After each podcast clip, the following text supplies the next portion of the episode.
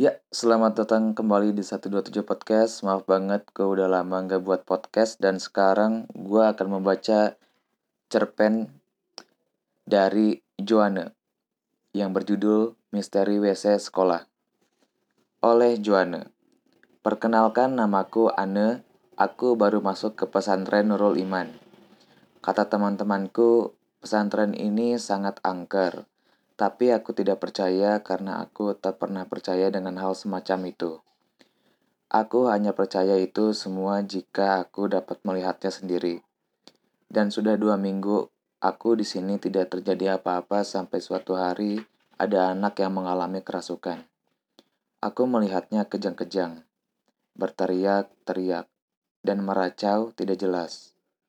Ah, teriakan itu kembali terdengar.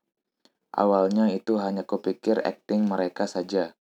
Tapi setelah kulihat sendiri, ternyata itu nyata. Aku tidak habis pikir, bagaimana WC pesantren yang super bersih bisa dihuni oleh banyak makhluk menyeramkan aneh anehnya. Lagi makhluk itu dapat merasuki santri tiap jam. Sungguh di luar nalar.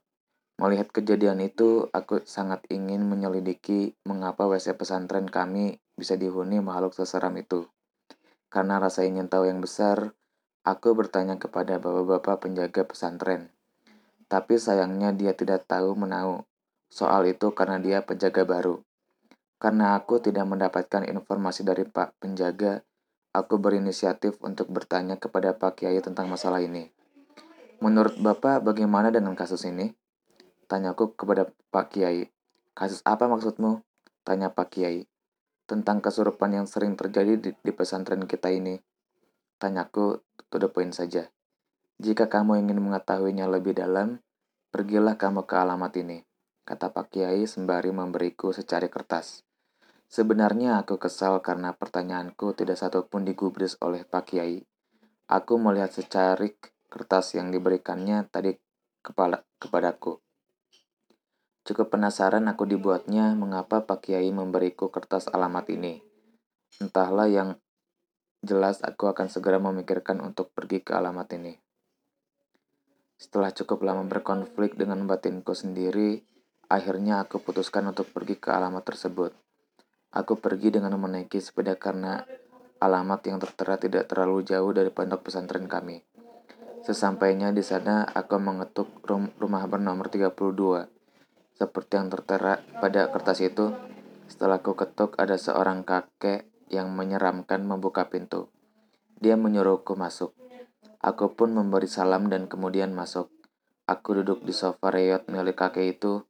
Setelah kami duduk, kakek itu langsung bertanya, Mau apa kamu ke sini? Hmm, kek saya Ane dari pesantren Nurul Iman. Kataku gugup. Ya kakek sudah tahu. Mau apa kamu kemari? Begini kek, di pondok akhir-akhir ini banyak terjadi kesurupan. Lantas, kata kakek cuek saja. Saat saya menanyakan soal ini kepada Pak Kiai, dia malah memberiku alamat rumah kakek, kataku.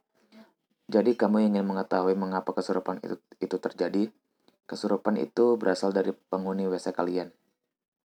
Ya, kek itu benar. Lantas apa yang harus kami perbuat untuk menghentikan sebuah, semua ini? Bilang kepada Kiai saya menyuruhnya membongkar WC tersebut. Kenapa masih dibongkar, kek? Tanyaku penasaran. Bilang saja begitu. Tapi, kek, sudah kamu boleh pulang. Tapi kita belum selesai bicara, kek. Kataku memprotes. Saya bilang kamu boleh pulang. Ya sudah, kek, saya pulang dulu. Assalamualaikum. Kata agak kesal. Waalaikumsalam. Sesampainya di pondok, aku langsung menceritakan ini kepada Pak Kiai, hanya manggut-manggut. Dan mendengar itu, Pak Kiai langsung memanggil kuli bangunan untuk merobohkan WC. Awalnya aku heran, mengapa Pak Kiai menuruti perintah kakek itu. Tapi setelah aku menyelidikinya, ternyata kakek itu adalah penjaga pondok yang lama. Dan alasannya berkata untuk menyuruhnya merobohkan WC karena WC itu dulunya adalah bekas kuburan pendahulu pembangun pondok tersebut. Mungkin ia merasa marah karena kuburannya dijadikan WC. Semenjak saat itu, para santri tidak ada lagi yang kesurupan. Tetapi kami menjadi susah karena kami harus menumpang mandi di rumah warga sampai WC kami kembali dibangun. Ya mungkin sekian cerita misteri kali ini.